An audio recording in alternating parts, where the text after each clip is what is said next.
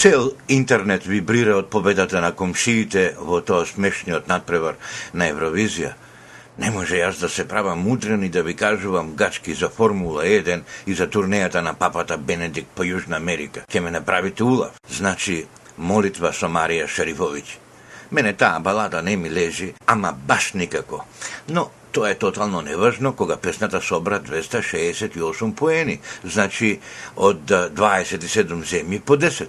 И што сега? Треба ли човек да навлегува во тоа дали ова е утешна награда за тоа дека финецот Марти Ахтисари им го краде Косово на србите? Некој ќе скокне па ќе каже од каде на каде Косово српско? Па од 1389 од цар Лазар, Грачаница, од Печка Патриаршија, од Гази Местан, ете од таму. И ете ти муабет директ за Вотрици. Подобро батали го тој, а и муабетот за тоа што е плагиат, а што не е плагиат На крај се ќе излезе гола политика, растегливо право, музикологија и конфузна историја. Не дека се снебивам, ама нема, или јас барем во овој момент не ја гледам, конструктивна порака од таков а, разговор. Каде и да се сврти човек, се некој уби Божи изјави. Дури и BBC вели дека на моменти настапот изгледаше како slow motion на лесбиски порнофилм. Глупости.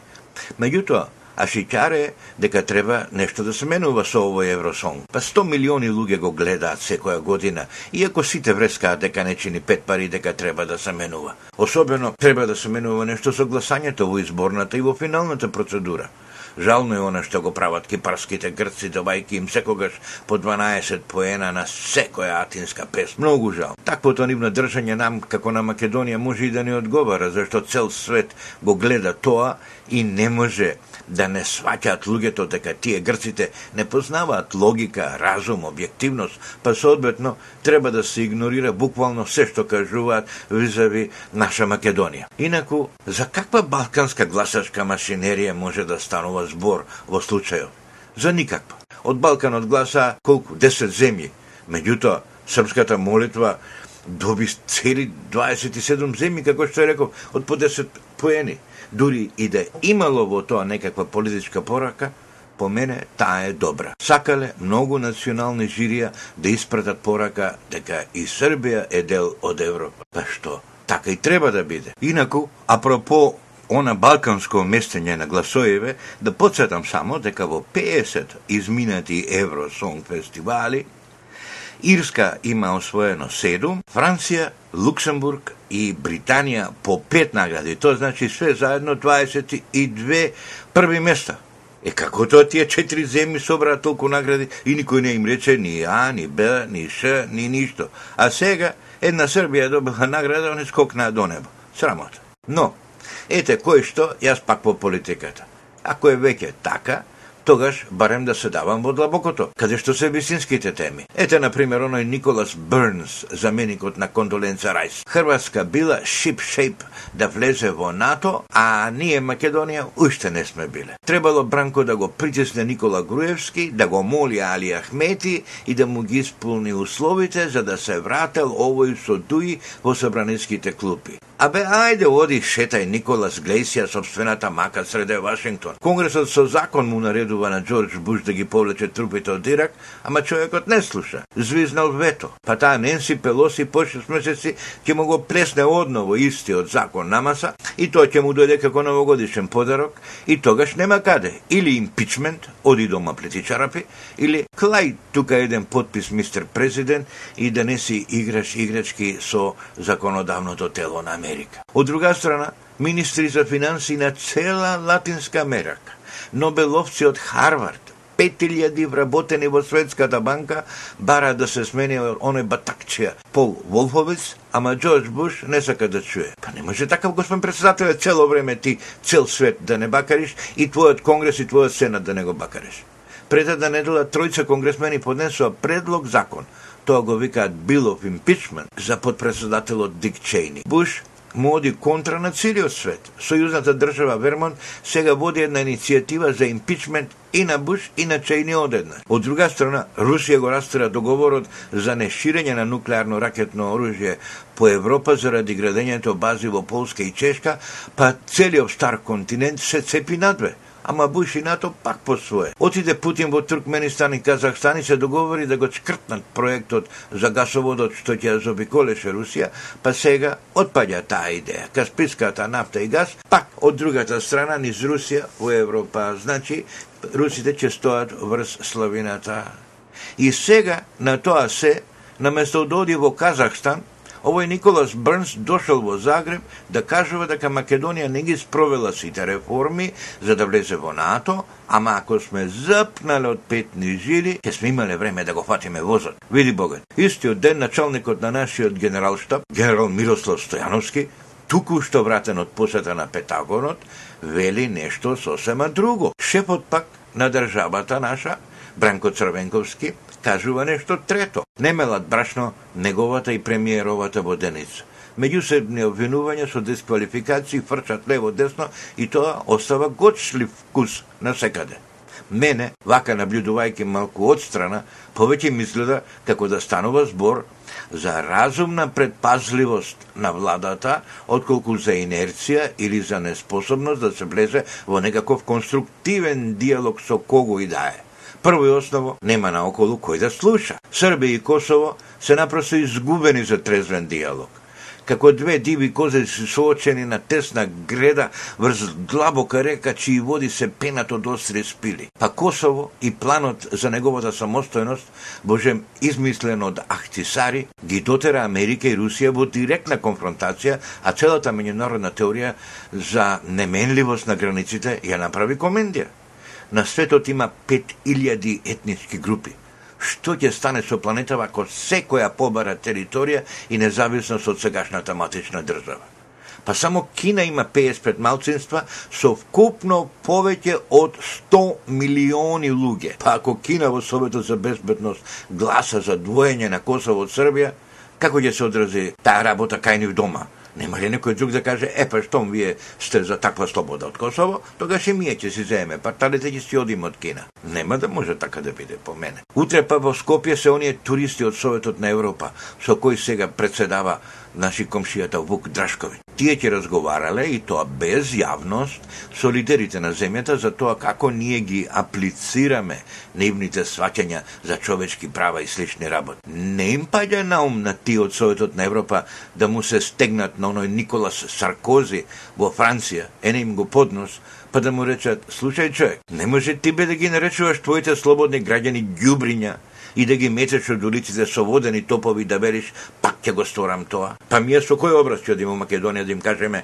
ете земите ги, приберите ги луѓето од Али Ахмети, молите ги да дојдат во собрание, ако имаат пратенички мандати, ако зимаат плата, ама не одат во собрание така натаму. А они на Саркози му трајат како онакви подкошува, а нам се се силат. И сега, тоа ми е основниот муабет, наместо да се сврти владата да прави што може да се раздвижи тоа пусто стопанство наше, да се отворат работни места за тој наш млад свет, тие, Европа и овој другиот свет, нас пак не туркаат во некои непродуктивни проекти. Тоа па тоа, непосредна демократија. Па е не е Холандија. Таму, односно овде, јас сум во Холандија, Уставот не позволува референдумско изјаснување на граѓаните.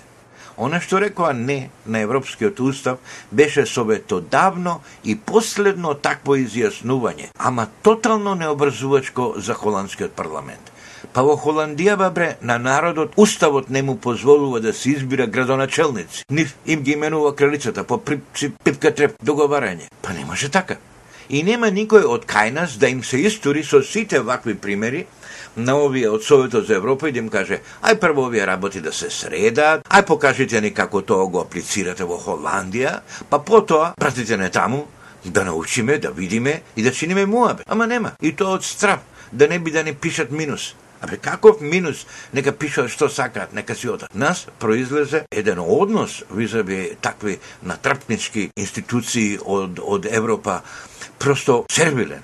И тоа е неприфат. Туку да се свртам јас на мојата милена тема, на лустрацијата. Разбравте, нели, дека Полскиот уставен суд поништи цели делови на нивниот закон за лустрација. Нечи ни тој закон. Неуставене, ај во кош. И сега се прашувам, ќе излечи ли некоја полка оној Стојан Андов од Кавадарци?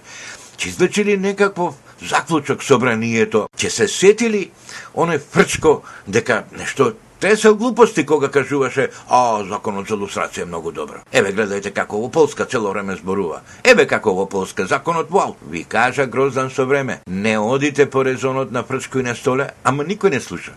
Е, сега, ќе излезе да смешни со тој закон за лустрација, бидејќи е неуставен во Полска, па веројатно неуставен и во Македонија. Мислам, инаку, дека е нереално Македонија наредниве 4-5 години да дочека некои значајни инвестициони вложувања од туѓина. Мислам не од приватен капитал, од банки или од некои големи корпорации. Единствена подпирачка за нас ќе се парите што доаѓаат од Европската Унија по основа на статусот на земја кандидат членка. Тој статус е несменлив. Што и да направиме, што и да биде, продолжува. Значи парите се осигурани. Со, со други зборови, ќе течат без разлика дали ќе почнат разговорите за асоциација или ќе се одлагаат уште, што знам, 2, 3, 5, 6 години, не е важно колку пари постојано ќе течат секоја година. Кога ќе започнат тие разговори за асоциација, нема да има повеќе пари воопшто. Ништо то не значи. И да разговараме за асоциација пет години, истите пари кои денеска што ни следуваат први поголеми пари ќе додат кои ќе станеме полноправни членови на Унијата. Со други зборови, треба мудро да се изведат регионалните проекти, да се заврши таа пуста железница исток-запад и ние да се туриме на беждариња меѓу Јадранско и Црно море, да собираме парички и така натаму. Треба умно да се изинвестираат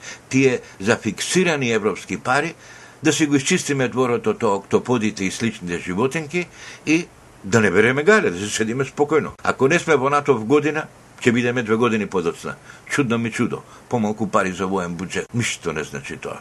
В година, во ноември, а тоа е утре, Америка ќе се избере нов председател или председателка. Може би Бил, мислам Бил Клинтон, ќе ја подсети Хилари. Хилари Родам Хик Клинтон, ако ја избере за председател на Америка, прва жена председател, нели? Дека тој зборувал нешто кога бил председател, изнесувал некои свои теории. Тој може да ја каже, абе Хилари, видиш што кажав ја за Балканов? А таа, расчеслувајќи се пред спиење, ќе му рече, подсети ме, дарлинг, не се сеќавам. Таа не се сеќава, меѓутоа други добро паметат. И јас ќе ви кажам што рече тој за Балканот пред да почне да го бомбардира Белград. Цитат. Ако го одбереме тој пат на менување на границите, ќе бидеме сведоци на уситнување на се помали и помали неодржливи државички темелени на етнички принцип. Тие би создавале притисок за уште војни, за уште етничко чистење, за уште репресии и уште одмазди Затоа, уште поголема балканизација е последната работа што нам ни е потребна на Балканот. Еве, ова се зборови на председателот на Соединетите Американски држави Бил Клинтон. Нема никаква потреба од некоја нервоза, од некакви инкубаторски изведени идеи, избрзани иницијативи да се покаже дека сме активни. Се е во некако вриеш, се е во некакво поместување. Ти и во Америка и, и овде околу нас. Кој сака разговор, еве повелете собрание, еве каде е Скопје, ние ќе најдеме време, иако сега имаме малку внатрешно средување. Па така е. А Европа и Америка сега ќе и се свртат на Турција. Таму на 22 јули се закажани врели општи парламентарни и директни председателски избори, за кои секогаш има потенцијална можност од воен удар. Па тоа се 72 милиони или 76 милиони луѓе во прашање. Тоа е голема држава.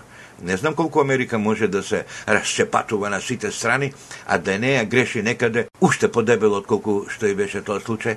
Со Ирак и сега не знае како да се извлече таму. Значи, ако продолжи Кина со економијата вака како што се покажа пред еден месец, И тоа ако трае само уште квартал два, ќе видите на таква паника по берзите на светот и по политичките центри на моќ, што јас нема да можам да ви опишам. Кој ќе се занимава во таква ситуација со Македонија? Ќе не остат на рад.